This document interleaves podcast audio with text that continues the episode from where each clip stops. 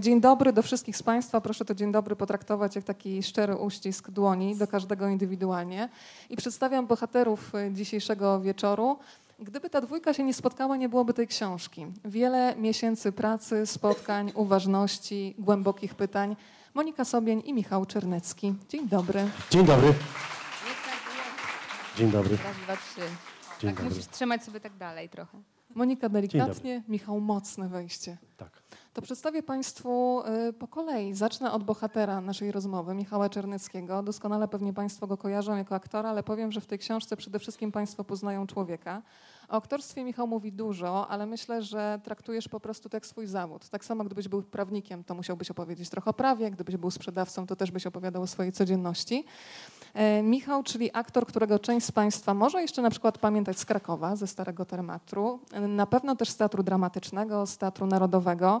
E, Ja nie ukrywam, że mam duży sentyment do wojny polsko-ruskiej, w której Michał zagrał lewego, Ksawery Żuławski, reżyser tego filmu. Przypomnę też oczywiście liczne wcielenia serialowe, na przykład Doktor Sadzik, czyli szef SOR-u tutaj obok mnie, więc myślę, że możemy czuć się wszyscy bezpiecznie. E, Tych e, wcieleń serialowych jest sporo, ale tak jak mówiłam, dzisiaj będziemy mówić przede wszystkim o człowieku i o tym, e, co się składa na nasz portret, a mamy bardzo wiele różnych twarzy. Monika e, to jest dziennikarka, która stworzyła taki portal, który Państwu też z całego serca polecam, women.pl.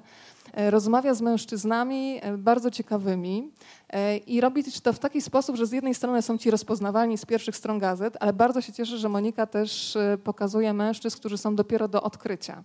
Ja na przykład zakochałam się w pewnym modelu pielęgniarzu, Państwo będą mogli zobaczyć i będą wiedzieć o co chodzi. E, Monika jest dziennikarką, skończyła też szkołę reżyserii Andrzeja Wajdy, więc już trochę Państwo o nich wiedzą, ale teraz już oddam im głos im samym, żeby opowiedzieli, jak wyglądała historia pewnej znajomości, czyli Waszej znajomości, kiedy Wasze drogi się skrzyżowały i kiedy została podjęta decyzja o tym, że ta krótka rozmowa to za mało, że trzeba się rozgadać. Bardzo proszę. Powiem ja. Mhm. Tak, Monika do mnie, pani Monika wtedy jeszcze, zadzwoniła do mnie, jak byłem w hotelu, nagrywaliśmy Ucho Prezesa i byłem w hotelu na Ogrodowej a, i wieczorem zamieniliśmy kilka słów. Okazało się, że ten termin jest dość tam palący wywiadu, w związku z tym nie było na to dużo czasu i zdecydowaliśmy, że to odbędzie się ten wywiad, będziemy mieli na niego godzinę razem ze zdjęciami, czyli e, 40 minut rozmowy i 20 minut zdjęć dla Michała Buddabara. E, I myślę sobie, znaczy wtedy po prostu jakoś byłem w takim procesie tego filmu, też on był tam, to, to była taka eti- studencki film, więc tam nie wszystko było proste, nic nie było proste w zasadzie. Wszystko było skomplikowane i trudne i męczące. I, mm, no i jak wyszedłem na takich schodach, zobaczyłem taką filigranową, Państwo widzicie, blondynkę. Wtedy jeszcze byłam filigraną. Wtedy jeszcze filigranową blondynkę i e, usiedliśmy i tak przygotowałem się na taką rozmowę, jakich było wiele i po pierwszym pytaniu już wiedziałem, że to nie będzie taka rozmowa, jakich wiele przeżyłem i te 40 minut mm, od razu mieliśmy takie poczucie oboje, że to jest za mało i, i jest pewnie niedosyt. Michał zrobił te zdjęcia w 20 minut, co jest też, oni są takim duetem, e, że po prostu to jest coś nieprawdopodobnego, nieprawdopodobnego że 12 zdjęć robione takim aparatem, którym nie można sprawdzić, takim analogowym i wszystkie były do wzięcia. Ale umówiliśmy się na, dość szybko na następne spotkanie, które trwało chyba 3,5 godziny, rozmawialiśmy i z tego ja zapamiętam jedno zdanie z naszej pierwszej, e, kończące właściwie naszą pierwszą rozmowę. E, ono też się ma bardzo do tej książki. Znaczy ja wiedziałem po, po tych 40 minutach, że spotkałem właśnie osobę, z którą e, jeżeli napiszę kiedyś, jeżeli te wspomnienia kiedyś e, znajdą się w formie książkowej, to to właśnie ta osoba. To znaczy to będzie e, albo z Moniką, albo nie zrobię tego e, z nikim, albo nigdy. No i tak, i, i oto przed nami jest, dla nas to jest trochę, ja ciągle jakoś czuję, to jest trochę nierealne. Nierealne było dla mnie to, że to się, że idziemy do wydawnictwa, nierealne potem było to, że, że, że Pascal zgodził się nas wydać, potem nierealne było to, że dostaliśmy taką pierwszy projekt okładki. E, No i teraz jest jeszcze bardziej nierealne to, że tu z Państwem siedzę i że przyszło dziś bardzo wiele osób, które są mi bliskie i, i to jest dla mnie bardzo, bardzo ważne. Przepraszam za taką dygresję, ale chciałem to e, powiedzieć zaraz na początku, że to nie jest y, książka poradnikowa, że to nie jest książka łatwa i że to nas y, sporo kosztowało. I chciałbym właśnie, i mm, tego bym sobie życzył, żeby to spotkanie było takie kameralne, jak jest. I że bardzo Wam dziękuję, że znaleźliście mimo 30 stopni i pogody spacerowej raczej niż empikowej czas i ochotę, żeby tu przyjść. Monika jest najbliżej, chyba musi Michała uszczypnąć, że to się dzieje naprawdę, bo mówiłeś o tym takim uczuciu nierealności. Ty pamiętasz, Monika, jakie to było zdanie, którym kupiłaś w pewnym sensie e, Michał cię kupił za to zdanie i stwierdził, to jest kobieta, której mogę zaufać. Oczywiście, że pamiętam, ale nie, nie mogę powiedzieć. nie, nie, chciałabym powiedzieć. Natomiast a propos tej, e, nie, e, tej nierealności, o której mówi Michał, o tym, że on jakby do dzisiaj nie może uwierzyć, że ta książka się zmaterializowała, to właściwie mnie też taka myśl towarzyszyła, ale chyba e, na innym trochę polu, bo e, ja już mówiłam właśnie o tym ostatnio, że my pracowaliśmy 9 miesięcy nad tą książką, ale to oznaczało dla mnie, że ja nie pracowałam nad niczym innym w tym czasie. To znaczy zrezygnowałam z różnych projektów, które, które miałam i zaryzykowałam, żeby no, poświęcić ten czas Michałowi. I ta myśl jakby o, tej, o tym, czy to w ogóle jest realne, towarzyszyła mi przez cały czas, bo my przez te 9 miesięcy nie podpisaliśmy między sobą żadnej umowy. E, w każdej chwili Michał mógł się wycofać e, i chociaż to on mnie poprosił o to, żebyśmy pisali tę książkę, ale e, wiedziałam o tym z każdym kolejnym dniem naszej pracy, że ta, że ta opowieść jest bardzo intymna, bardzo trudna też dla niego i, e, I obawiałam się, czy na przykład w pewnym momencie on nie powie, że to jest za bardzo, albo że jednak nie starczy mu odwagi, albo że, e, no nie wiem, pojawi się 100 różnych wątpliwości też związanych z tym, że Michał jest osobą publiczną, jest aktorem. Jakby reżyserzy też e, i producenci biorą pod uwagę zawsze wizerunek publiczny E, człowieka, którego zatrudniają do, do, seriali czy filmów. I ja się też tego obawiałam, że, ale w żaden sposób się nie zabezpieczyłam. Mam też właśnie kolegów prawników, którzy mówili mi, że po prostu podpiszcie tę umowę. My tego nie zrobiliśmy. No i mimo wszystko więc to cały czas było na jakimś takim polu ryzyka. No ale, e, ale po, poza jedną rzeczą, to znaczy kiedy Michał dostał pierwszy draft tej książki, bo praca wyglądała w ten sposób, że e, on mówił, jak mu zadawałam pytania, ja to nagrywałam i e, po pół roku dostał ode mnie po prostu pierwszy draft książki. No i to był pierwszy taki moment, kiedy, e, no kiedy się naprawdę wystraszyłam, tak, ale to było tylko raz, bo widziałam, że jego e, to zderzenie z już materialną, taką zmaterializowaną tą historią, którą powiedział, mm, no chyba wystraszyło, ale to może Michał o tym, o tym lepiej opowie, ale się udało udało, no, przekonam go. Czyli siedzący dowód na to przed nami, że warto ludziom ufać. To jest y, siła zaufania. Michale, ja dzisiaj jak się przygotowywałam i myślałam o tym y, dzisiejszym spotkaniu, to miałam sobie taką ekscytację i radość na spotkanie, ale myślałam sobie, że wasz poziom ekscytacji jest na pewno dużo większy, bo to jest praca, ukoronowanie dzisiaj tego momentu, wielu miesięcy pracy. I myślałam, że na pewno w taki wieczór jak dziś pojawia się radość, ale też chyba się pojawia strach jak zostanie odebrane to, że człowiek się obnaża w pewnym sensie, ale to obnażenie mm, ja rozumiem jako coś bardzo prawdziwego i najwartościowego, najbardziej wartościowego w życiu. Więc co przeważa? Strach, radość, bo ta książka jest o nazywaniu emocji, więc gdybyście mieli nazwać dzisiaj to, co się dzieje w was w środku. Ładne pytanie. Nie wiem, we mnie jest więcej radości, chyba jednak, ponieważ wydaje mi się, że ta książka powstała z potrzeby serca ona we mnie była za, na długo wcześniej niż, że tak powiem, zmaterializowała się e, kilkanaście dni temu w wydawnictwie mm, i w naszych rozmowach, że ja potrzebowałem te swoje historie z siebie wyciągnąć i obejrzeć je ze wszystkich stron, ale potrzebowałem do tego bardzo uważnego i rzetelnego, uczciwego i momentami bezwzględnego słuchacza, który tu siedzi. Dlaczego ten słuchacz się przestraszył? Bo Monika powiedziała o tym, że po pół roku, kiedy ci wysłała to, co spisała, miała moment, ojej, czy to się uda? Jaka była twoja reakcja? Wtedy zobaczyłem, że to jest... Y, zanim przyszedł mi do głowy pomysł, co z tym należy zrobić, to się przestraszyłem tego, że to, że to jest naprawdę duży kaliber. To znaczy nawet nie tego, że kogoś to może dotknąć, tylko czy ja chcę sam z siebie, wy, żeby upublicznić takie, mm, takie fakty z, z, życia, ale potem pomyślałem sobie, że, że chcę czy nie chcę, tak właśnie moje życie wyglądało. Że to jest najprawdziwsza jego wersja. Oczywiście y, nadaliśmy temu, to jest właśnie w procesie tym naszym późniejszym, nadaliśmy temu pewną formę, nadaliśmy temu konwencję pewną literacką. Monika nadała temu, jest autorką konstrukcji tej książki, bo ona też konstrukcję pewną ma. I, i moim zdaniem świetną konstrukcję. Znaczy, że ten materiał po prostu był nieobrobioną, on mnie się skojarzył, pierwsze moje skojarzenie to jest jakby zapis bardzo głębokiej terapii. Takiej, której nikomu się nie udostępnia nigdy. Moja żona jest psychologiem i że gdyby ten materiały z tych sesji nie nadają się do publikacji po prostu, zwy, zwyczajnie. I że one były, um, były bardzo nieliterackie, krótko mówiąc. I wydaje mi się i mam nadzieję, że one teraz literackie bardziej są i że ta książka jest, y, jest książką po prostu, którą się czyta. Mam nadzieję taką.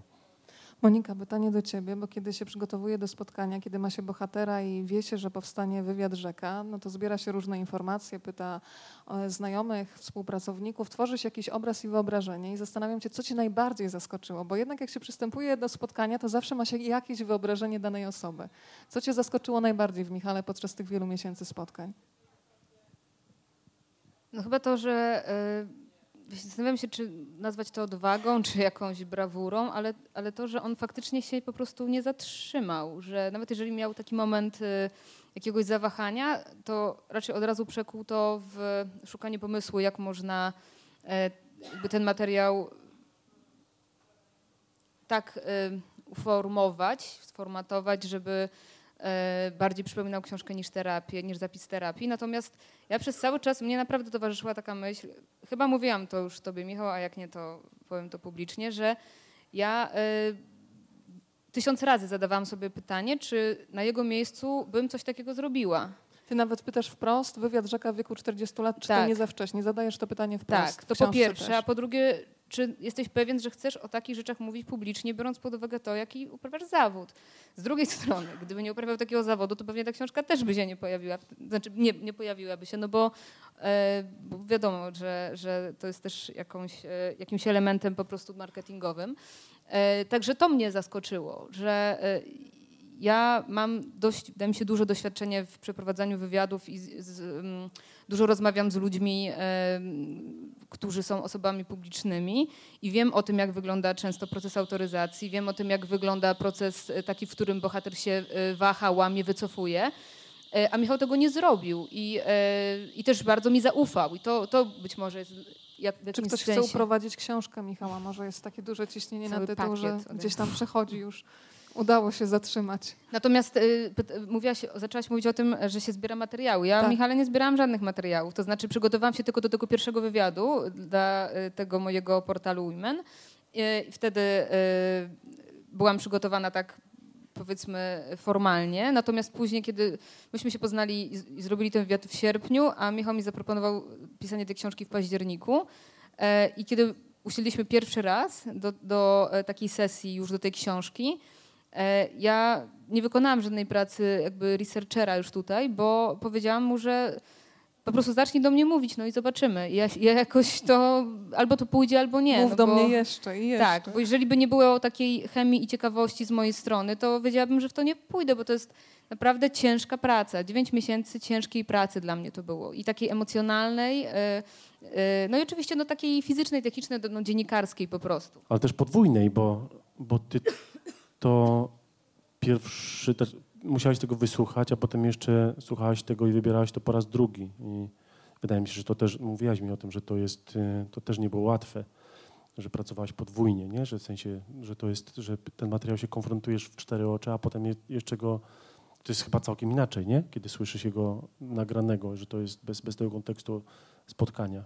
No tak, oczywiście mnie się te historie śniły. Y, one były cały czas ze mną. Jak Państwo przeczytacie tę książkę i zobaczycie, bo oczywiście oprócz historii smutnych, które są w tej książce i to jest uzasadnione, że one tam są, są też y, anegdoty, są zabawne rzeczy, ale, ale tak naprawdę tego mięsa jest bardzo dużo i e, wy to przeczytacie i pewnie coś, coś zostanie, bo, bo już mamy takie głos, są ludzie, którzy przeczytali tę książkę i, i mówią o tym, że e, po pierwsze, że odbijają się sami w tych e, przeżyciach e, Michała, a po drugie, że też im się przypominają historie własne, które dzięki temu, co przeczytali tutaj, mogą jakoś zweryfikować.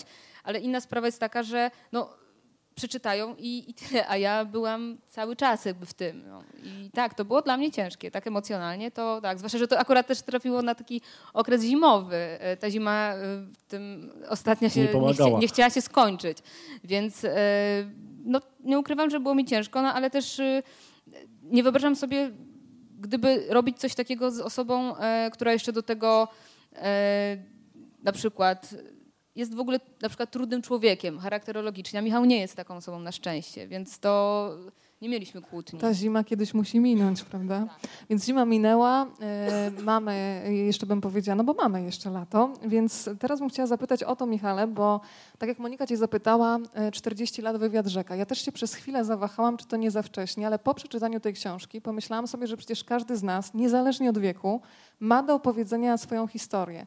I też jestem Ci wdzięczna za to, że powiedziałeś o momentach bardzo trudnych, bo to jest tak, nie wiem, czy Państwo też się nie łapią na takich sytuacjach, że żyjemy w takim świecie ciągłego sukcesu. Nawet kiedy się ogląda profile instagramowe i kiedy jest nam źle i mamy trudny moment w życiu, to się zastanawiamy, ja nie pasuję do tego świata, co jest ze mną nie tak. A nagle się okazuje, że człowiek, który siedzi obok mnie, przystojny, uśmiechnięty, który odniósł zawodowy sukces, też miał trudne momenty i potrafił otrzepać kolana, wstać i pójść dalej. Więc myślę, że tą książką możesz dać wielu osobom siłę. Ale gdy sam sobie zadawałeś pytanie, dlaczego chcesz to upublicznić, jakiej odpowiedzi sobie sam udzieliłeś? Bo tak jak e, powiedziałeś, to jest taki materiał jakby z terapii i faktycznie tych wątpliwości chyba było sporo. Czy wiedziałaś od początku, że masz potrzebę wyrzucenia tego z siebie? Wyrzucenia i podsumowania i oddzielenia po 40 latach ziarna od plew. To znaczy tych historii, które z których mogę coś wziąć i ponieść dalej, a część już muszę zostawić jako taki zbędny balast, który dźwigam ze sobą. E, I wydaje mi się, że to się e, paradoksalnie udało. To znaczy, to sobie jakoś wymarzyłem, że tak mogłoby być, ale czuję się lżej e, teraz. I mm, zadałem sobie to pytanie, dlaczego, ale wydaje mi się, że, że mm, no właśnie to chyba najbardziej chyba to mi przychodzi do głowy, że to jest taki czas, w którym e, mówi się o smudze cienia, jakoś bardzo demonizuje się tę czterdziestkę. A, a w niej nie ma nic demonicznego, moim zdaniem, po prostu to jest taki czas, że trzeba się odwrócić. Dzisiaj do mnie dzwonił mój przyjaciel, który jest malarzem i jest też bohaterem tej książki w pewnym sensie. I mówi, że, że, że dziękuję za taką odwagę, bo, bo ja próbowałem się odwrócić, zobaczyć swoje życie, ale próbowałem to zrobić tylko głową. Tak. A głowy się nie da odwrócić o 180 stopni, trzeba to zrobić całym ciałem. I ty to zrobiłeś całym ciałem. I, no i myślę, że coś takiego było mi potrzebne, żeby spojrzeć na te historie, przejrzeć się w nich. I, e, no właśnie, i że podsumować z wdzięcznością, wziąć relacje ludzi i to, co mnie fajnego spotkało, a już pożegnać te, te śmieci, te balasty, które ze sobą ciągnę. I wydaje mi się, że w dużym stopniu to się udało. Powiedziałeś bardzo ważną rzecz o ciele i przyznam ci że to był chyba najmocniejszy dla mnie fragment, bo kiedy czyta się twoją historię, to czyta się o tobie, bardzo konkretną historię, jednocześnie siłą rzeczy bardzo mocno myśli też o swoim życiu i to jest ogromny atut y, tej książki. powiedziałeś bardzo ważną rzecz, że często jest tak, że na terapii na przykład z panem Jackiem, o którym wspominasz, uczyłeś się orientować, w którym momencie życia jest twoje ciało. I często jest tak, że głowa już coś wyrzuciła albo wydaje jej się, że udało się wyrzucić trudne momenty z życia, a ciało psychosomatycznie daje znać, że coś jest jeszcze nieprzepracowane. Bardzo się cieszę, bo pokazałeś, jak bardzo jesteśmy połączeni. My to ciało często traktujemy tylko jako opakowanie. Kiedy się tego nauczyłeś? I nie, nie, często się wstydzimy tego, że to wszystko jest połączone. A ty jako mężczyzna nauczyłeś się nazywania emocji. No, połączone, gwoli sprostowania, to jest terapia akupunkturą i to pan Michał z kolei, e, to tam któremu była jestem pan Jacek i pan Michał, tak? tak, tak, dwutorowo ale akupunktura daje taką nieprawdopodobną e, e, możliwość. My leczymy siebie i swoje dzieci od, od lat akupunkturą. Rzadko bywamy u lekarza. I że akupunktura w ten sposób, w jaki Michał, pan Michał pracuje, daje możliwość naprawdę, uwierzcie mi Państwo, przeżycia tych emocji, nawet często nie wiem, przychodzi do nas jakaś rozpacz, która jest zupełnie nieadekwatna do tego, co się w naszym życiu teraz dzieje. I trudno ją przyporządkować do czegoś, do jakiegokolwiek zdarzenia z, z, z przeszłych, nie wiem, tygodni czy miesięcy. I potem zdaje sobie pani sprawę z tego, że e, intuicyjnie, zamykając oczy, jest pani dokładnie w stanie określić, skąd, to, skąd ta emocja jest, skąd ona pochodzi i często na przykład pojawia się jeszcze do niej jakiś obraz, który dokładnie ją umiejscawia w czasie i przestrzeni. Ja wiem, że y, jakby jak ktoś y, akupunktury nigdy nie doświadczył, to, y, to teraz się może wdać, że się odkleiłem od rzeczywistości i po prostu wygaduję jakieś bzdury. Ale doświadczyłem tego, więc to jest dla mnie taka weryfikacja, że tego doświadczyłem i doświadczam ciągle, że to jest, że taka jest prawda o, o, o tej terapii. I myślę sobie, że mm, jak zwykle się zapędziłem i zapomniałem, jakie było twoje pytanie. O tym ciele, że to jest takie ważne, kiedy ty się nauczyłeś, właśnie. zrozumiałeś, że to nie jest tylko opakowanie, że warto słuchać tych sygnałów, które to ciało cały czas wysyła. No późno, bo to wydaje mi się, że to jest składową tego jest bardzo wielu ludzi się na to złożyło. Złożył się na to obecność mojego teścia. E, no, moja teściowa dzisiaj jest z nami, że e, teść już nie żyje, ale to on tak naprawdę w nasze życie wniósł chińską medycynę i takie alternatywne spojrzenie na, na człowieka i na ciało i bardzo jestem mu wdzięczny za to. Mm, No i potem właśnie moja żona, która mi nauczyła właściwie podstaw orientowania się w emocjach, wymogła na mnie, bo inaczej ten nasz związek nie miałby sensu, bo nie, nie rozmawialiśmy różnymi językami na początku i musieliśmy mieć wspólny, żeby się jakoś dogadać. A, I potem pan Michał, pan Jacek, bardzo wielu ludzi, których spotkałem na swojej drodze, którzy byli moimi, naszymi zastępczymi rodzicami, bo takich sobie też znajdowaliśmy. I myślę, że ja od nich wszystkich brałem jakąś cząstkę prawdy, jakąś cząstkę nauki o tym, jak powinien mężczyzna z kobietą być, jak wychowywać dzieci, jak tworzyć małżeństwo. I myślę sobie, że jak na tę historię, którą mam, to, to pan Jacek pierwszy powiedział coś takiego, że to jest w książce, że w sensie tak sobie na pana patrzę i jak na tę historię, którą pan niesie, to całkiem dobrze sobie pan poradził. I myślę sobie, że bardzo wiele lat mi zajęło, żeby to przyznać sobie. Takie, takie prawo do tego, że, że mimo wielu błędów, które popełniam i popełniam ciągle, i ślepych uliczek, które ciągle wchodzę, w, że tak powiem, w tę samą kupę, w tym samym miejscu, że wydawałoby się, że, że przecież wiem, że ona tam leży i już nie powinienem nigdy y, w nią wdepnąć, to ciągle wdeptuję, ale wydaje mi się, że za każdym wdepnięciem trochę mniej buta jest brudne. Myślę, że każdy z nas tak ma, drodzy Państwo, prawda? Że wchodzimy w te same maliny, ale orientujemy się może trochę szybciej. Właśnie, no szybciej, że ty, tak nie wciąga nas pod wodę, tylko już tak trochę, nie? Już Tak troszeczkę, ale to są takie małe etapy, które trzeba przejść. Monika, patrzę w Twoją stronę i się zastanawiam, czy były takie momenty, kiedy musieliście sobie zrobić dłuższą przerwę od siebie. Ponieważ te szufladki, które podczas rozmowy gdzieś się otwierały w głowie, były na tyle bolesne, ponieważ mówicie o bardzo trudnych momentach, o podwójnej próbie samobójczej, o depresji, o momencie, kiedy człowiek sobie sam uświadamia, że były momenty w jego życiu, że wykorzystywał na przykład ludzi do własnych celów. Czy były sytuacje, kiedy stwierdziliście, że to jest tak mocne i tak bardzo przeorało wasze emocje wspólnie, że trzeba sobie dać czas, żeby znowu móc do tego wrócić? Tak, tak było i tak było na poziomie mikro i makro. To znaczy na poziomie mikro y, było, zdarzały się takie sytuacje, gdzie nasze, nasze spotkania też odbywały się w takich y, blokach, no bo Michał jest osobą bardzo zajętą, dużo, y, dużo jest na planie, więc na przykład spotykaliśmy się tak, że rozmawialiśmy po 12 godzin, prawda? I y, no, to na tym poziomie mikro po prostu byłam zmęczona. I on Konkurencja, maraton rozmów. Naprawdę Tak, możecie tak. być tutaj mistrzami. I trzeba, tak, i trzeba było kiedyś powiedzieć e, przerwa i właśnie ja już orientowałam się, że w pewnym momencie nie mogę już go słuchać, po prostu, że pragnę, żeby on przestał mówić i wtedy wychodziłam e, z mieszkania, czy tam Ja z to miejsca, to mogę to którym- pokazać? Bo tak zrobiłaś. Poprosimy. Że tak trzeba, bo byliśmy oboje już wyglądaliśmy tak mniej więcej po tych sześciu godzinach. Monika powiedziała, muszę już wyjść teraz.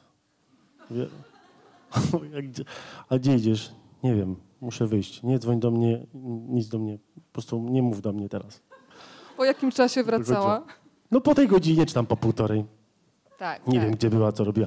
Ale w sensie, no naprawdę było to takie, że rozmowa w ogóle z człowiekiem przez, jakby nie była inspirująca i taka um, zajmująca, to, to jest to jednak czynność dość męcząca, a, szczególnie jak się ma do czynienia z takim, no oczywiście były fajniejsze momenty, kiedy gadaliśmy o jakichś takich zabawnych sprawach albo tam jakiś plan, coś, no to było super, bo, bo można było więcej czasu na to poświęcić, ale jak były te hardkorowe rzeczy, no to rzeczywiście y, musieliśmy dać sobie od siebie odpocząć. Tak, i to w czasie pracy. Mówimy teraz o takim o rytmie pracy, ale też y, też prawdą jest, że mieliśmy też takie przerwy w kontakcie, na przykład dwutygodniowe, e, trzytygodniowe, które w tamtym czasie dla nas były czymś e, no, nietypowym, bo jednak ta dynamika pracy była bardzo gęsta.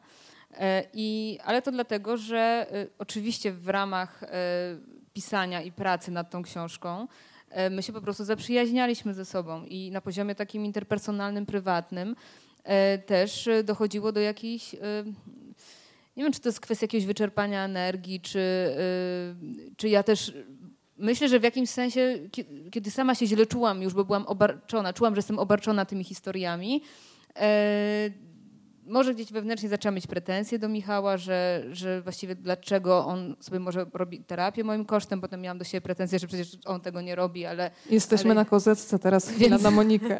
więc, yy, więc chodzi o to, że też mu mówiłam, że na przykład ja potrzebuję mieć przerwę i ja się do ciebie odezwę, jak już będę y, gotowa wrócić do pracy. No i tak robiliśmy, Michał to szanował.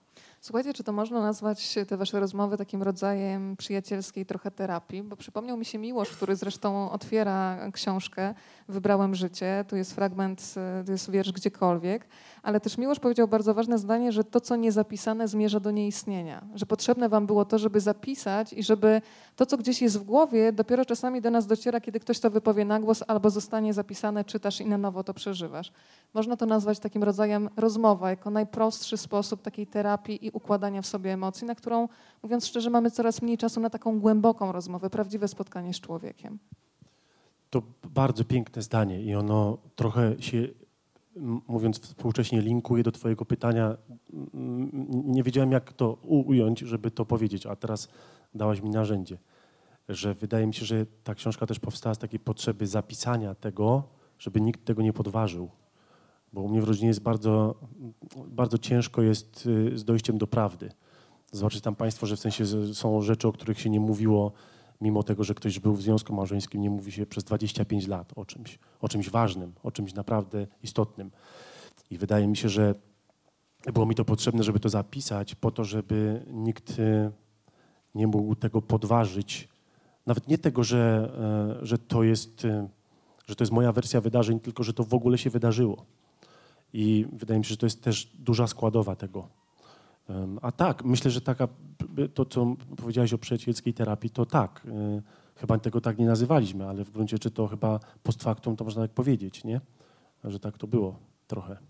I że wydaje mi się, że to inaczej. Mm, moja żona zawsze mówi, że, że jakby różnica pomiędzy y, terapią, a tym, że terapeuta tego swojego klienta nigdy nie zostawi, na przykład, nie?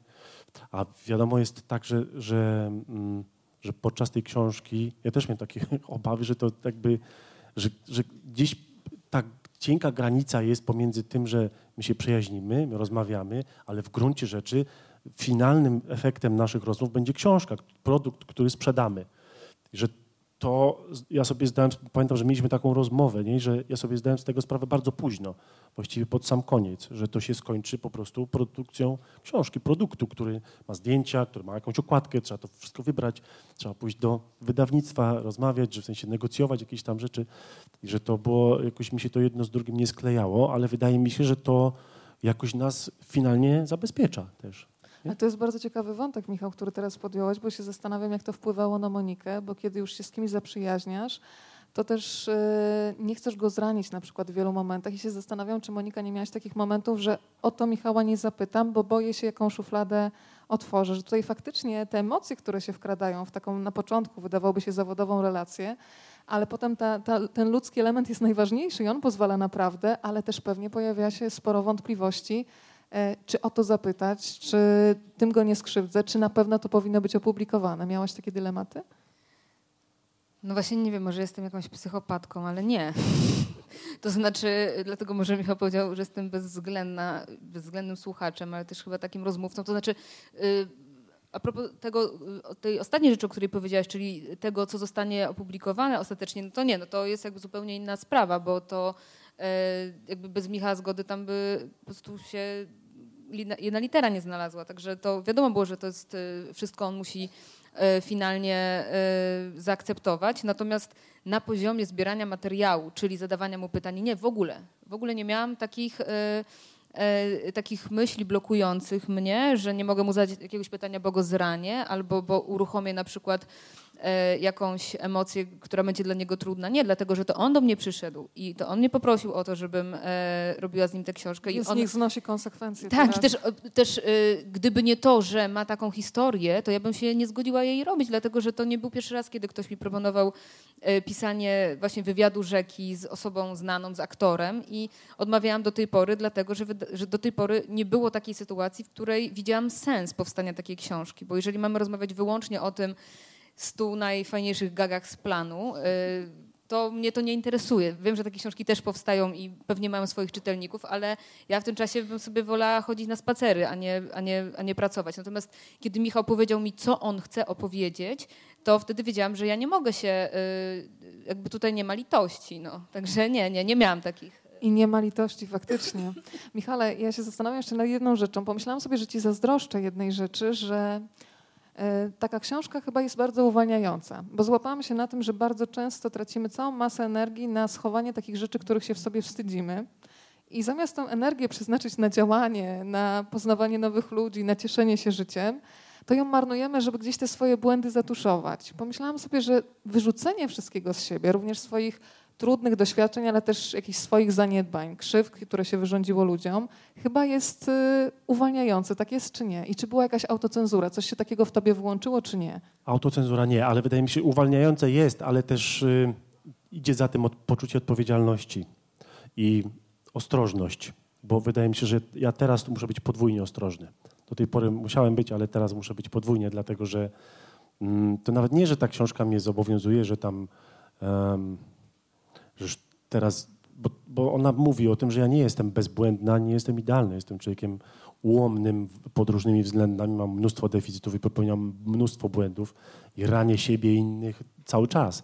Tylko wydaje mi się, że ta książka jest o tym, że ona mnie zobowiązuje do tego, e, po pierwsze trochę tobie, tak, zrobiłem sobie taki zakładnikiem jestem teraz już tego, że e, bo wybrałem życie, to nie jest wybór jednorazowy.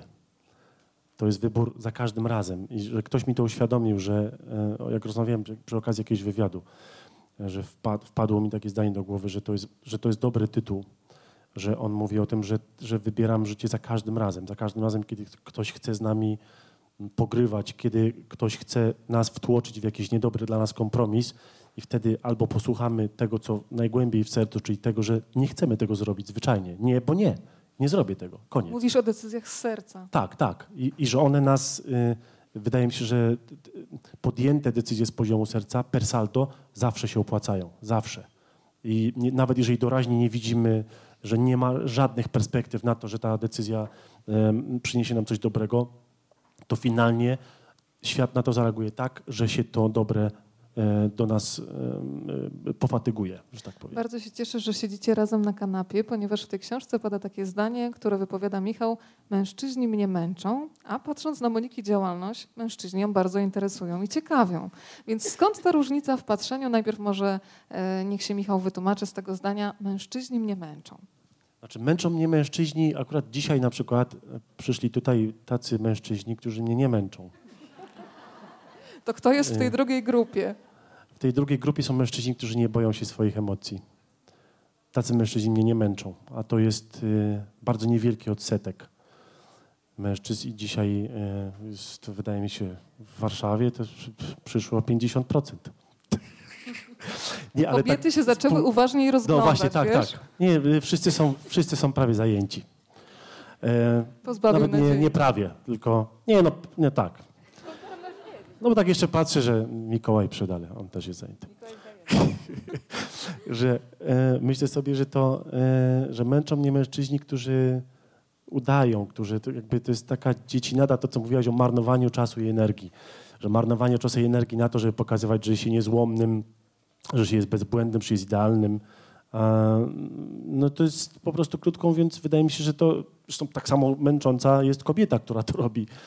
Ale no, że przebywam więcej z mężczyznami pewnie niż z kobietami. No to jest tak, że się wy, wy, wykruszają takie znajomości, a te, a te, które są dla 40-latka, dla mnie największą, największym skarbem, który mam, to są moje relacje, które na przykład mam do dziś. I bardzo wiele z tych relacji, nie tylko męskich, jest tu dzisiaj na, na sali. To jest mój największy zysk z tych 40 lat, bo takie zdanie kiedyś usłyszałem niedawno, nawet całkiem, że trumna nie ma kieszeni, że nie zabierzemy ze sobą nic poza wspomnieniami, relacjami z ludźmi. Jeżeli są bliskie, wartościowe i e, coś nas kosztują, no to znaczy, że są coś warte, one zostają. A, a jeżeli nie są, to, to nie. Męczą mnie relacje udawane i męczą mnie relacje powierzchowne i nie chcę takich relacji mieć, bo wydaje mi się, że na, nawet jeżeli y, mam z kimś relację, nie wiem, widziałem go dwa lata temu, ale dzisiaj rozmawiając z nim nie będę miał takiego poczucia, będę miał poczucie, że widzieliśmy się wczoraj, to znaczy, że ta relacja jest właściwa, nie? to znaczy ona jest w dobrym miejscu. A mam takich ludzi, jestem szczęściarzem, że mam ich, ale to szczęście to jest jedna sprawa, a dwa, że to jednej i drugiej, jedną i drugą stronę kosztowało dużo pracy, że to, o te relacje trzeba dbać. I, i nie wystarczy wysłanie SMS-a raz na jakiś czas. I, I, wydaje mi się, że to, to jest największy zysk. I dlatego mężczyźni tacy mnie męczą, a tacy nie. A ciebie dlaczego nie męczą? Nie, nie powiedziałam, że mnie nie męczą. Że, no. po prostu to, to, to, nie, to trzeba powiedzieć inaczej. To znaczy, yy, bo rozumiem, że Weronika tutaj yy, jakby nawiązałaś do tego portalu Women, tak? Że tak ja jest. rozmawiam głównie z mężczyznami zawodowo. Myślę, że to jest tak naprawdę z dwóch powodów. To znaczy tak na takim poziomie e, najprostszym, e, kiedy e, jakby ten portal został stworzony. Jest tutaj też ze mną Ania, która ze mną zaczynała ten portal robić, więc jest jakby współautorką jego, to my właściwie nie omawiałyśmy, dlaczego to ma być tak, że będziemy rozmawiać tylko z facetami, więc ja mogę powiedzieć, dlaczego ja, ja tak gdzieś wewnętrznie czułam, że tak będzie dla mnie lepiej. Z dwóch powodów. Po pierwsze, dlatego, że to jest jakaś konstatacja, która też niedawno y, przyszła mi do głowy, że ja byłam przez całe życie otoczona y, kobietami. Miałam y, w przeciwieństwie do Michała dobrą relację z mamą, dość dobrą, więc jakoś koleżanki, przyjaciółki, kobiety w moim życiu były zawsze i gdzieś wydaje mi się, że nie chcę, że może to trochę źle zabrzmi, ale jestem teraz ich może trochę mniej ciekawa, bo, y, bo już miliard godzin z nimi przegadałam, a, y, a z facetami tak nie. Więc to po pierwsze, a na, też myślę, że y, jakby moja ścieżka zawodowa tutaj miała znaczenie, bo ja bardzo wiele lat spędziłam w prasie kobiecej i też pisząc dla kobiet o kobietach. E, I chyba chciałam po prostu jakiś wziąć oddech i zrobić coś, co też będzie po prostu dla mnie przyjemnością, dlatego że to też była moja, nasza inwestycja, to ten portal nie był jakby dotowany przez nic, to po prostu było też nasze jakieś tam ryzyko biznesowe, więc e, ja chciałam mieć z tego jakąś przyjemność. I e, Michał powiedział, że mężczyźni go męczą, bo, znaczy ci, którzy y, boją się własnych emocji i o nich mówić. No i na przykład ja sobie myślałam, że to też może być dla mnie trudne, bo y, żeby wywiad był dobry, no to nie można go napisać za rozmówcę, tylko on musi chcieć mówić.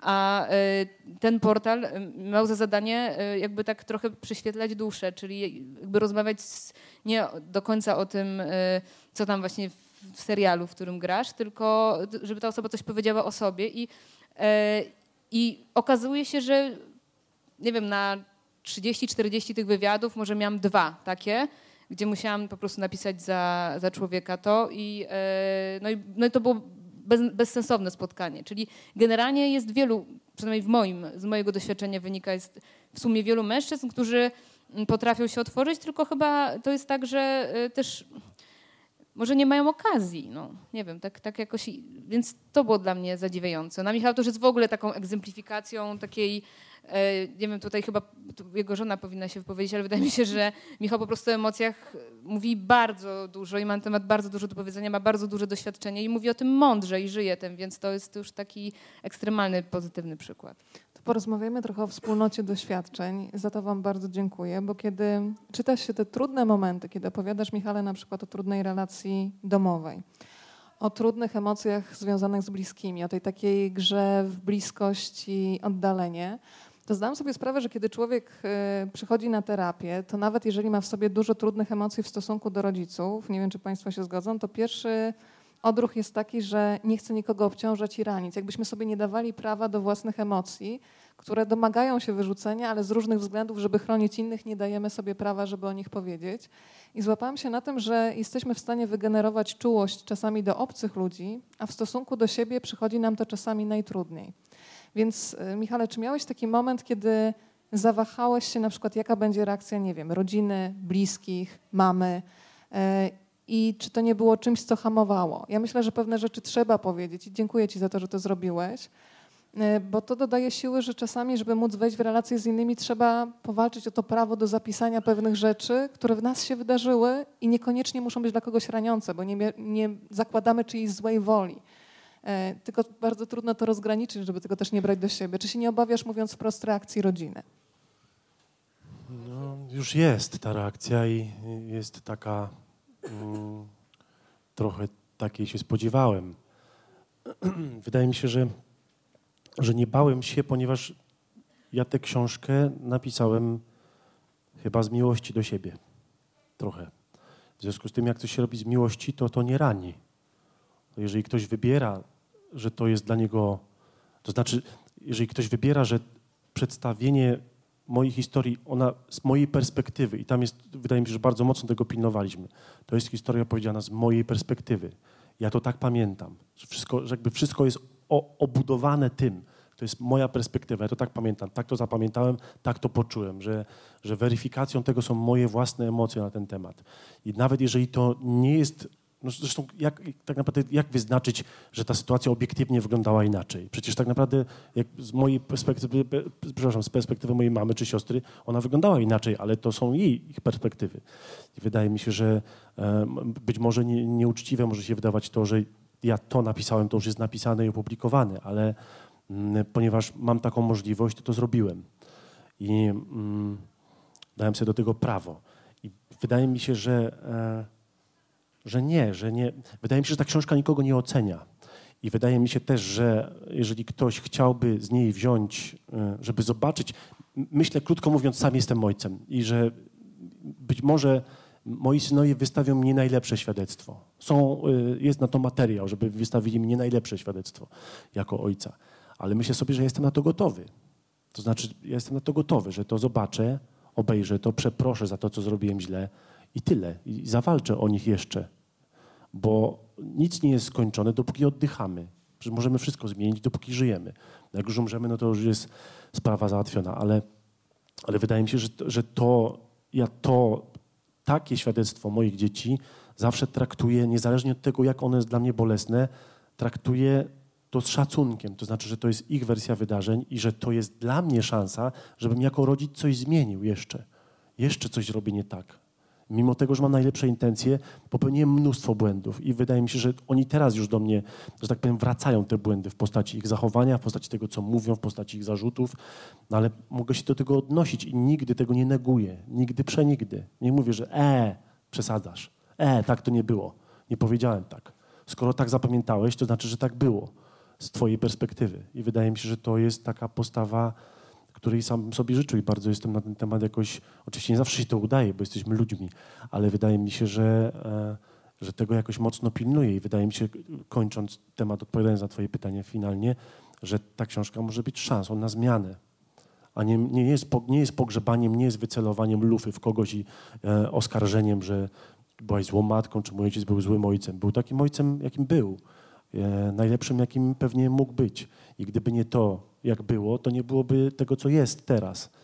I wydaje mi się, że to, e, to też jest taka magiczna rzecz, której do końca nie rozumiem, nie wiem jak to się dzieje, ale kiedy powie się o rzeczach trudnych, nawet w relacji albo o przeszłości, to, to natychmiast spod spodu wypływają te jasne i ładne wspomnienia i piękne, ale trzeba najpierw powiedzieć, bo one, one są jak kamień, który przyciska je w dół.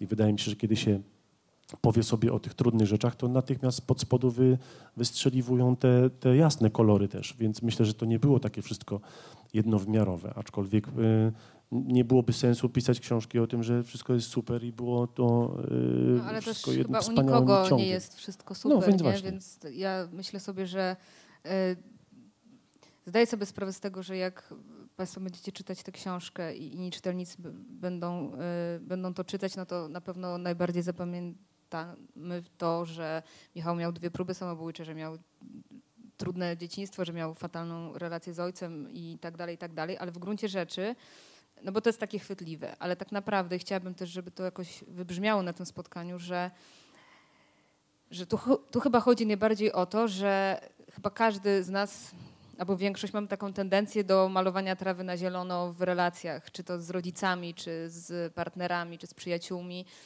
E, I bardzo często przez wiele lat, nawet jak coś nas bardzo boli, nie mówimy o tym ze strachu, że na przykład kogoś stracimy.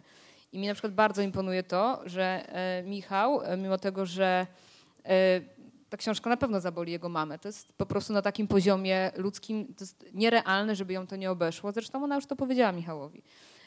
Ale dla mnie imponujące jest to, że Michał mimo wszystko zdecydował się to zrobić, bo właśnie jest szansa na to, żeby odkłamać, czy to, co jest zakłamane, żeby spróbować to jakoś przebić i może się to uda, może nie. Może będzie tak, że ty to powiedziałeś, twoja mama się obrazi, koniec i nie będzie tej relacji. Ale może tak nie być, no, w tym takim no, sensie, no, że... No, no, dla mnie tak, no właśnie, że gorzej być już raczej w naszych relacjach nie może i że ta książka, jeżeli coś ma zmienić, to, to, to zmieni, a jeżeli tego nie zmieni, to będzie tak jak było, czyli, czyli beznadziejnie dalej. To znaczy, że w sensie mijamy się i nie, nie, nie jak nam do siebie. Wydaje mi się, że to, y, że to jest... Y, no to jest też jakieś, wydaje mi się, y, wołanie. Nawet może nie o relacje, bo ja o nie już jakoś nie zabiegam specjalnie, ale, ale wydaje mi się, że to taki, no właśnie, odkłamanie od tego, żeby nie malować trawy na zielono. To znaczy, że myślę, że, że byśmy mieli odwagę nazywania pewnych spraw, bo, bo nawet wydaje mi się, że właśnie awantura czy cokolwiek innego jest lepsze od ciszy. Cisza jest najgorszą rzeczą, w ciszy jest śmierć. Taka cisza, która jest krzykiem, prawda, paradoksalnie. No właśnie, ona krzyczy tak naprawdę i to jest, i można y, się spotykać i, i ciuciu, ruciu sobie siedzieć przy, przy stoliku i mówić o świętach, i mówić o tym i o tym, i mówić o faktach, ale przecież tak naprawdę jak się jest w kontakcie ze swoimi emocjami, to się czuje to napięcie, które jest potworne. I że tak naprawdę, jak się tego nie wyciągnie na, na światło dzienne, to, to ta relacja jest nieprawdziwa. Właśnie jest nieprawdziwa i ona jest nie do wytrzymania na dłuższą metę. Oczywiście dla tej osoby, która stara się mieć kontakt z emocjami, bo dla tej osoby, która, że tak powiem, y, zakłamuje je ciągle i oszukuje się, no to jest to y, do, do odniesienia. Tak można, proszę Państwa, przeżyć całe życie. Y, znam ludzi takich, którzy tak przeżyli całe życie i odeszli E, nic nie zmieniając. Więc myślę sobie, że to spokojnie, bez nerwów można to wszystko tak przeżyć. Tylko po co? Tylko po co? Jest też bardzo ważny wątek, za który Ci dziękuję. Myślę, że wiele osób w tych relacjach zawodowych, które opisujesz, też się odnajdzie. Myślę o takim momencie stawiania granic, kiedy człowiek stwierdza, że już nie da sobie wejść na głowę i nie będzie uczestniczył w teatrze, jakkolwiek to nie zabrzmi w tym momencie i w przenośni, i dosłownie. E, myślę, że po tej książce też na przykład Krystian Lupa czy Łukasz Barczyk e, mogą też się odezwać i zapytać, ale jak tak mogłeś? E, ale bardzo już Michała się... nie zatrudnią. Ja myślę, no że zatrudnią ci, którzy mają odwagę i to sobie bardzo cenię w ludziach.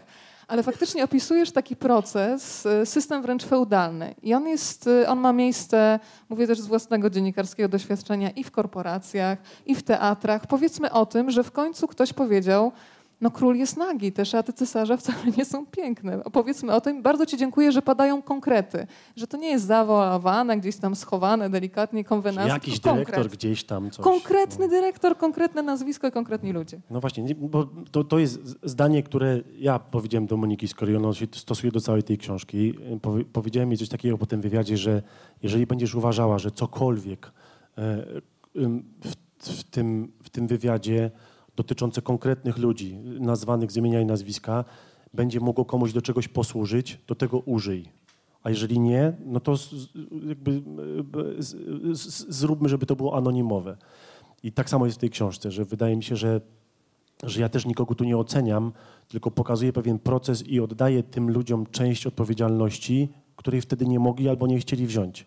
Wydaje mi się, że dla nich to też jest szansa zobaczenia tych wydarzeń z innej perspektywy, a, a wydaje mi się, że też siebie samego nie wybielam i udało mi się wziąć y, moją działkę odpowiedzialności za to. To znaczy, że ja bardzo chętnie w taki system manipulacji się wpisywałem, ponieważ był mi on znany y, z domu albo tam w ogóle, no jakoś tak się do tego przyzwyczaiłem, że byłem dobrym materiałem na taki, na, do takiego manipulowania, ale to już się skończyło.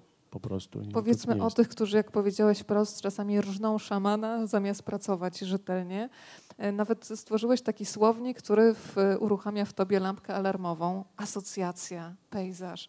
Czyli ktoś stwarza Tak, tak. pozory, że robimy Tak. wielką sztukę, To ale pod no pozorami właśnie. tej sztuki co się dzieje? Tak, tak, to koledzy, którzy zajmują się tym i koleżanki, które tu są. To jest, wydaje mi się, że to jest taki, taki to jest takie, wiesz, jakby, to jest takie, wiesz, jakby, tak, jakby, wiesz, rozumiesz, to jest takie jakby, wiesz, jakby... Musisz po prostu to jest poczuć, musisz to takie jakby, rozumiesz, wiesz, dziw, dziwne po prostu, wiesz, chore, no nie? Dziwne, to jest jakby takie, po prostu jakby, no i, no i to, no to, jest, taka, no to jest taka nowomowa. I do tego jeszcze jak ktoś naśladuje Krystiana, bardzo wielu takich jest, to dodatkowo jeszcze jest e, e, wiesz, to jest jakby e. To W sensie, na- no ja tego naprawdę, proszę Państwa, doświadczyłem, no, że si- siedział facet na, na widowni, znaczy reżyser w cudzysłowiu, który pojękiwał jak Krystian, no przysięgam. Nie potrafił nic. W końcu go zmieniono, w sensie, że doszło do zmiany reżysera. To o tym jest, ja pracę dyplomową o tym pisałem w szkole teatralnej. E, I po prostu siedział, postękiwał ten facio na, na, tej, na tej widowni. Nie pomagał nam w niczym. Y, Pogrążał coraz głębiej cały ten spektakl, nas, siebie. Doszło do jakiejś karczennej awantury na koniec i w ogóle został relegowany z tego przedstawienia i usunięty.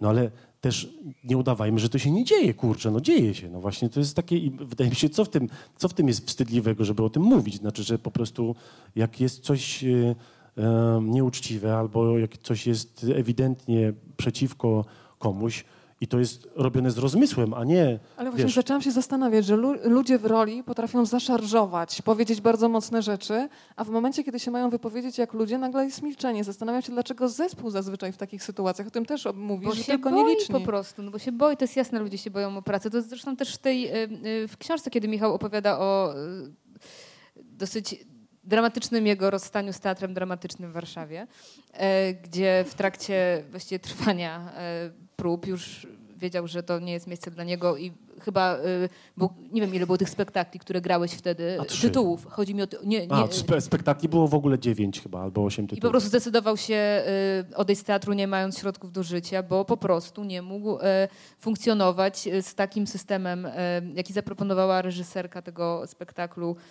A i potem też dyrektor Kupiec się do tego Wenecki. Tak, i dołożył. później y, Tadeusz Słobodzianek jeszcze swoje y, trzy grosze. Ale, ale dlaczego? No właśnie dlatego, że ludzie się po prostu boją powiedzieć, to znaczy na próbach sami do siebie aktorzy mówią, że to wszystko wygląda źle, że trzeba zainterweniować, ale jak przychodzi do konfrontacji, to piszą, no wiesz, ale ja mam kredyt, no a ja mam dzieci, a ja mam dziurawy dach. Ale no wiesz, i- jakie ja mam, jaką ja mam sytuację, nie? Że w sensie to jest takie, no ale wiesz, no znaczy, Michał, to jest zajebiste, nie? Co zrobiłeś, to jest super, nie? Tylko ja ci nie mogę, wiesz, wspomóc, no bo wiesz.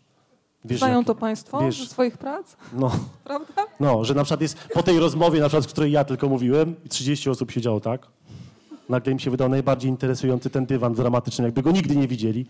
E, I wydaje mi się, że to, to, ja się trochę śmieję z tego, ale to ja tych ludzi rozumiem, tylko ja nie rozumiem trochę tego i to mi się wydaje nieuczciwe, na przykład, że po tej rozmowie, w której nikt mi nie wspomógł, nagle dostaję miliony SMS-ów. Michał, super, widzę jak walczysz, zajebiście. To było super, to było bardzo odważne, dzięki. Mówię, no ale za co? W sensie, że mów mi do ręki, ja przecież nie zrobiłem tego dla ciebie, tylko dla siebie i że, i że moja sytuacja teraz sam sobie nie zazdroszczę tej sytuacji, bo jechałem do domu, tańczyłem w samochodzie z radości, że się w końcu uwolniłem i zrobiłem coś przeciwko e, takiemu używaniu mnie, no ale potem jak przyjechałem do domu, to siedliśmy z moją żoną i się zastanowiłem, że ja w ogóle nie mam pracy. No, że mam jeden dzień zdjęciowy 3 listopada i w zasadzie tyle. No i właściwie co, co, co ja narobiłem, sobie pomyślałem. Ale potem o to mówiliśmy o tych decyzjach z poziomu serca, że telefon zaczął dzwonić, dzwonić yy, w tydzień później i już nie przestał. Więc myślę sobie, że to się per saldo naprawdę opłaca. No, że to jest, że ktoś się boi powiedzieć, a ja się już teraz boję nie powiedzieć. Bo wiem, co się we mnie będzie działo. To znaczy naprawdę, że to był taki moment, ja myślałem, że umrę, naprawdę. Proszę Państwa, byłem przekonany, że tego nie wytrzymam. To znaczy, że fa- facet stoi i mówi rzeczy, które są zupełnie wyssane z palca, które są... Wiem to, że je, al, albo jest tak, że ja jestem, to jest dom wariatów, ja jestem jedyny normalny tu, albo to jest tak, że ja zwariowałem i to oni są normalni, a ja powinien iść do czubków. I że to jest naprawdę taka granica życia i śmierci, że mi zaczęły łzy- lecieć z oczu, zaczęły mi się trząść ręce i pomyślałem sobie, że jak się teraz nie odezwę, to ja tego nigdy nie zrobię. Albo, albo będę czekał następnych 10 lat na coś takiego, żeby się temu przeciwstawić. Na szczęście Tadeusz mi trochę pomógł, to Państwo przeczytacie z książki, bo to jest taka, taka trochę ta, y, ta sytuacja. Jakbym ten, to bym spalił. To nie, to nie powiem.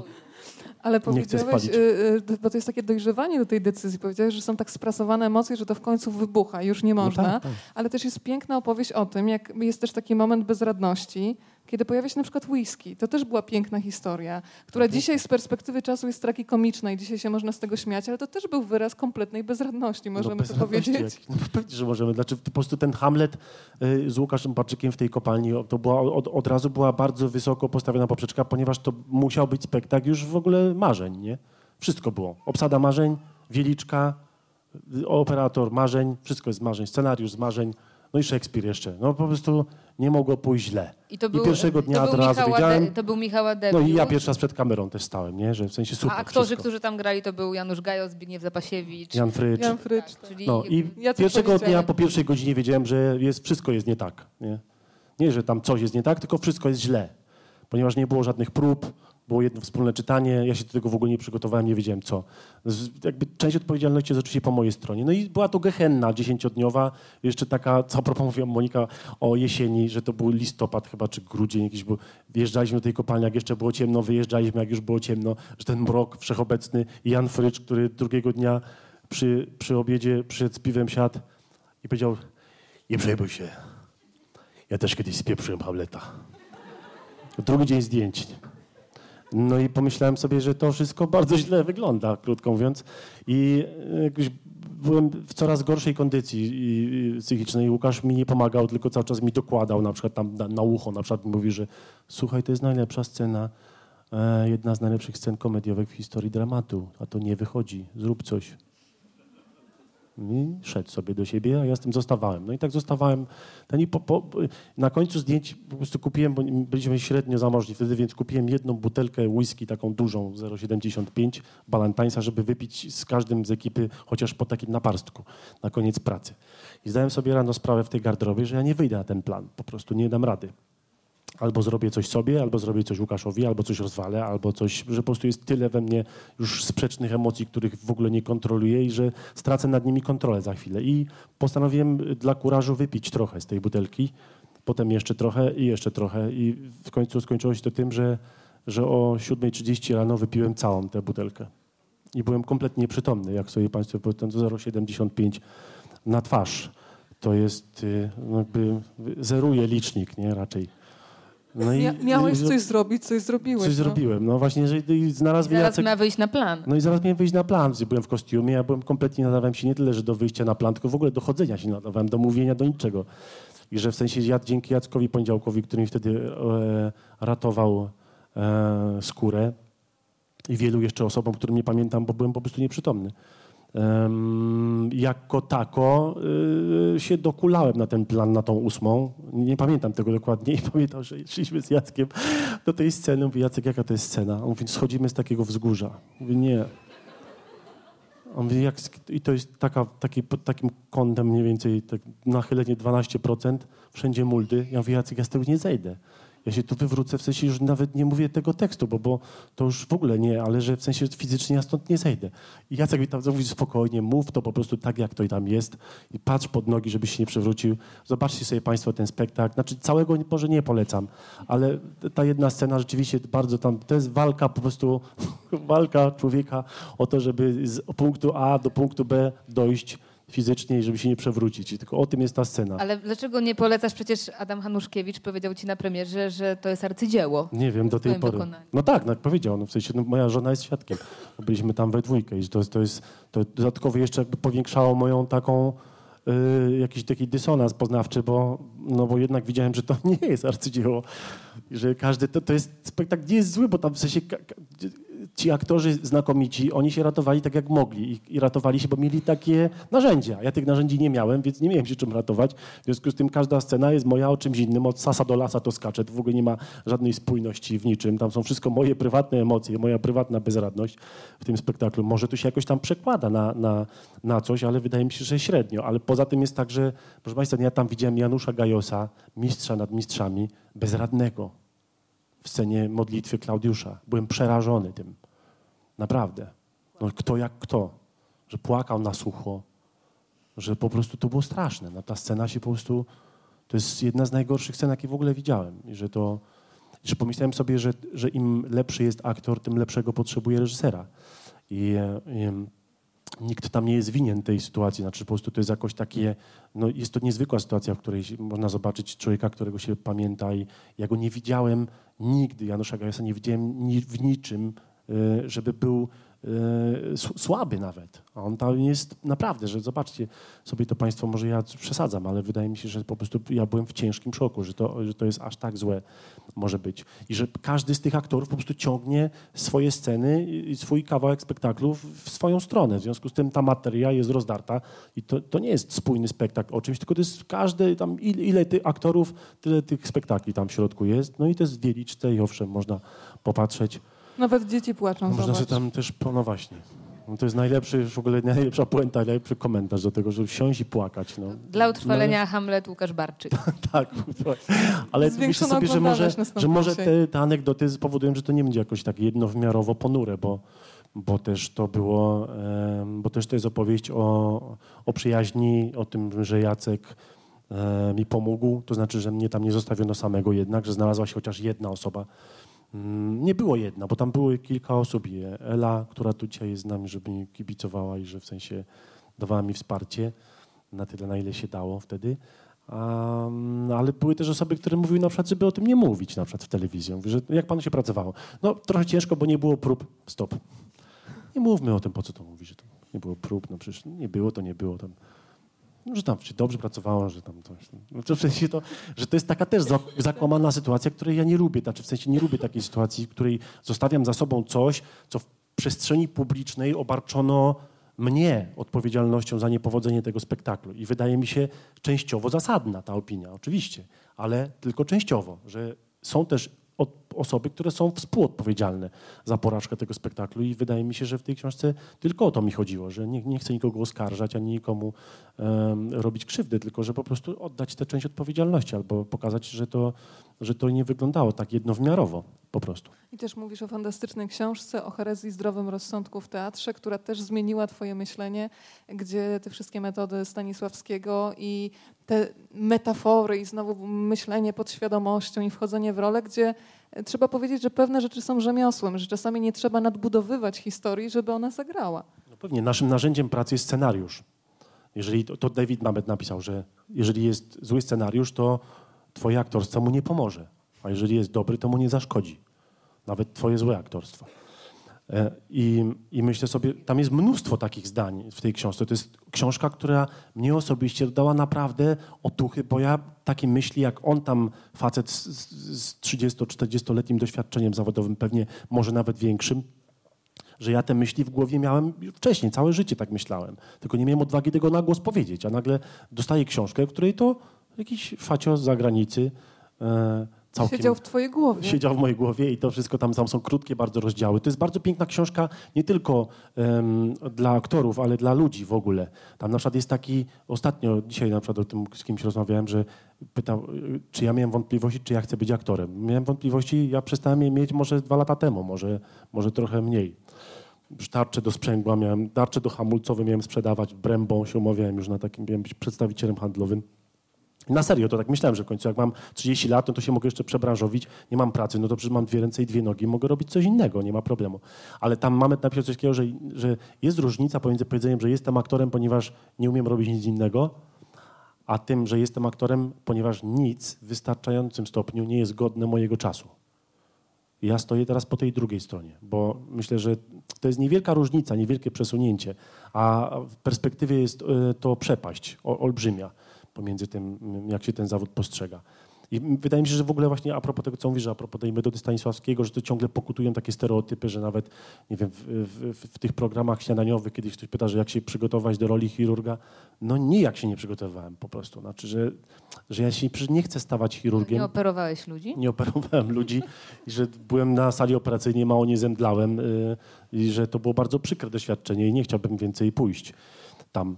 E, I to jest, y, mnie to do niczego nie było potrzebne, a to, że na przykład, nie wiem, nauczyłem się y, zszywać na takiej gąbce, nauczyłem się szwów podstawowych, to przecież to nie jest po to, żebym ja tożsamość y, zyskał z tym chirurgiem i nagle myślał, że chirurgiem jestem, tylko po to, żeby dać reżyserowi narzędzia do improwizacji. Kiedy będziemy mieli scenę, w której na przykład przyjdzie mu do głowy, że mógłbyś tu szyć, e, bo jesteś na tym sorze, no to ten, no to mógłbym to zrobić od razu, że nie musiałbym się uczyć tego przez godzinę i tracić czasu na planie. Więc myślę, że to jest mnie po to potrzebne, a że cały ten sztafaż, który, y, aktorstwo, aktorstwo, którym jest obudowane teraz, to właśnie są jacyś demiurdzy, że to są właśnie ludzie, którzy się gdzieś e, mają, z, zmieniają się i tak dalej. Wydaje mi się, że to jest, to jest nasza iluzja, to jest nasz problem, że my to tak traktujemy.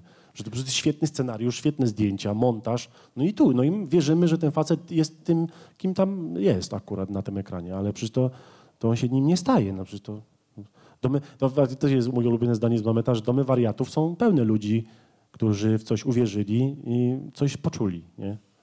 No bo to jest do domu wariatów. Jakbym zaczął myśleć, że jestem raskolnikowym, no to znaczy, że, że mi coś nie, nie po kolei ze mną To ja jest. teraz powiem doktorze Sadziku w takim razie. Proszę zobaczyć, ilu jest chętnych tutaj do zadawania pytań. Tak. Bo y, powiem Państwu, że niepostrzeżenie minęła nam właśnie godzina. Jak Państwo widać, można rozmawiać godzinami, Monika. Teraz rozumiem, że te Wasze rozmowy mogły się przedłużać do 12-godzinnych sesji.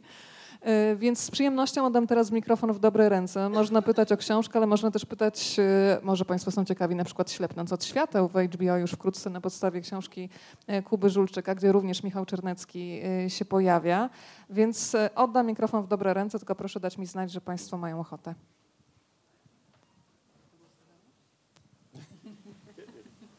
Dzień dobry.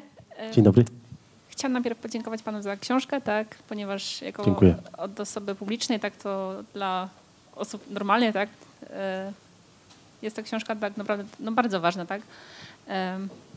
I daje taki przykład, tak, że osoby publiczne tak, no, też mają jakieś swoje e, dawne problemy. Mm, ja mam takie pytanie, mm, jaki był ten taki kluczowy moment dla Pana, tak? bo też jak pochodzę z, z rodziny dysfunkcyjnej, tak? Który taki, tak, czy ten teatr dramatyczny tak panem wstrząsnął, tak? Czy, czy może jakiś taki moment właśnie tylko, czytam fragmenty z, ta, z pana tatą, tak? Do mamy tam jeszcze nie dotarłam. E, I który moment był taki przełomowy, że zdecydował się pan może na, nie na taką przyjacielską jakąś terapię, tak? Ale jakąś taką może jakąś profesjonalną, tak? Czy korzystał pan z takiej pomocy i ile lat to trwało? Czy jak pan może jakoś poddawał się e, jakimś takim doświadczeniom właśnie, żeby stawiać granice, asertywność taką? Nie, to chyba nie, ale takich doświadczeń, w sensie takiego, chodzi Pani pewnie o jakiś coaching albo coś, to nie. E, że to przyszło z czasem i że to jest suma bardzo wielu ludzkich spotkań e, i bardzo mądrych terapeutów, których spotkałem na swojej drodze. Nie tylko psychologów, ale też e, mm, właśnie Pan Michał jest, w sensie to, to, to leczenie akupunkturą, to jest bardzo istotny element tego leczenia i zdrowienia.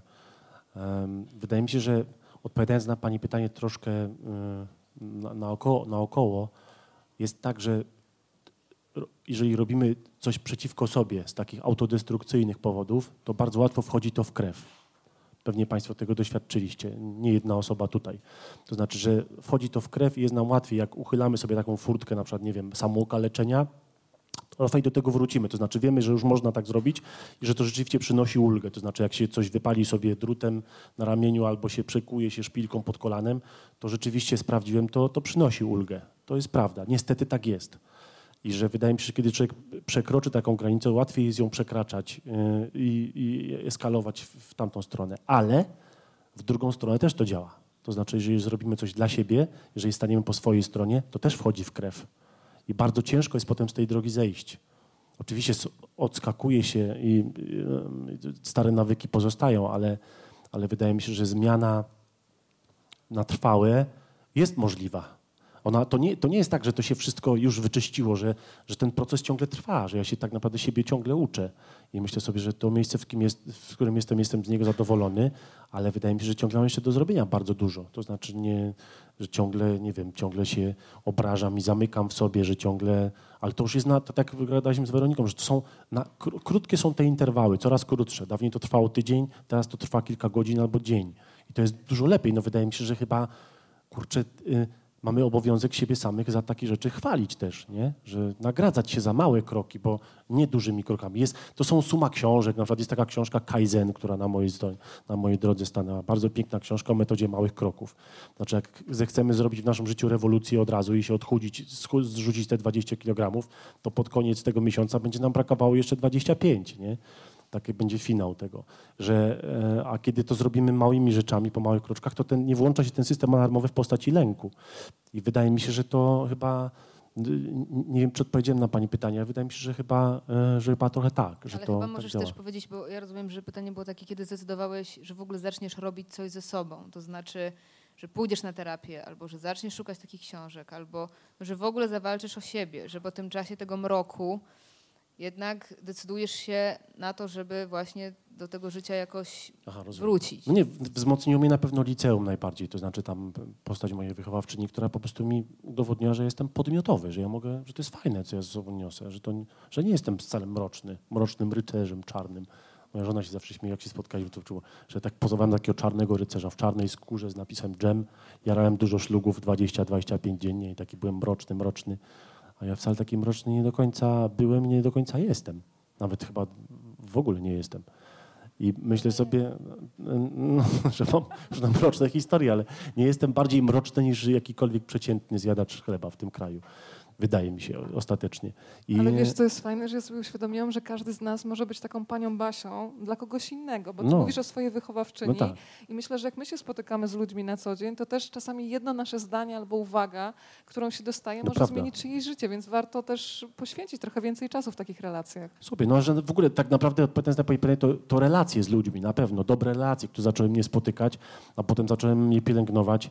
I tak było. I potem mm, potem tak naprawdę wydaje mi się, że moja żona mnie do tego e, skłoniła, bo, bo ona sam, sama nad sobą wiele lat pracuje i że bez tego w związku chyba jest tak, przynajmniej z naszych doświadczeń tak wynika, że jeżeli jedno nad sobą pracuje, to drugie prędzej czy później będzie musiało zacząć, bo, bo stracimy wspólny język, przestajemy się rozumieć. Nie?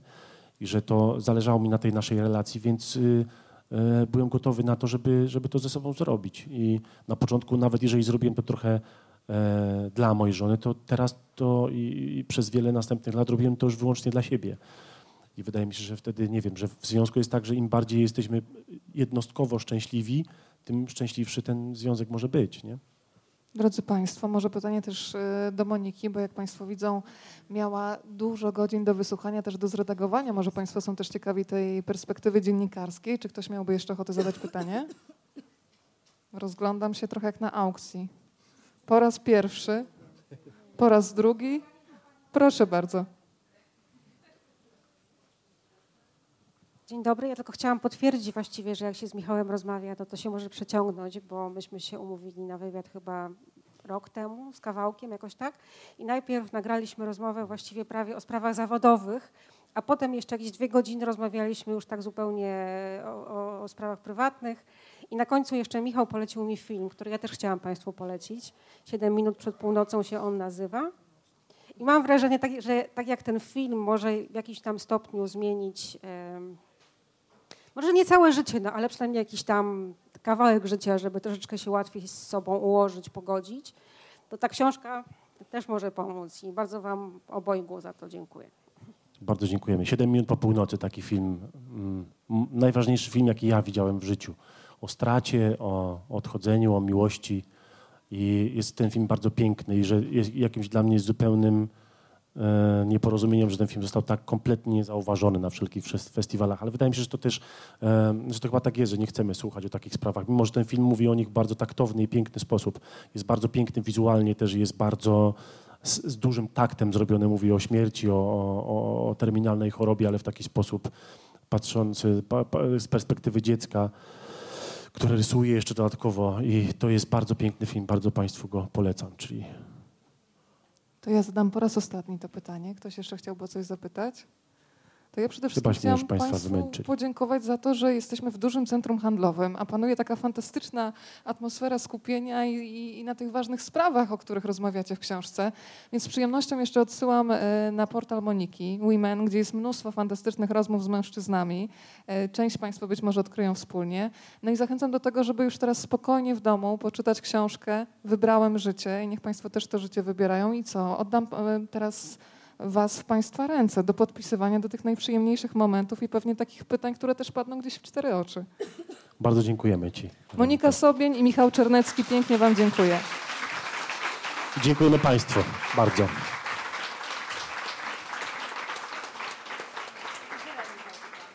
A, no i zapraszam Państwa, jak ktoś ma ochotę, żeby tę książkę podpisać, to, to ja to zrobię.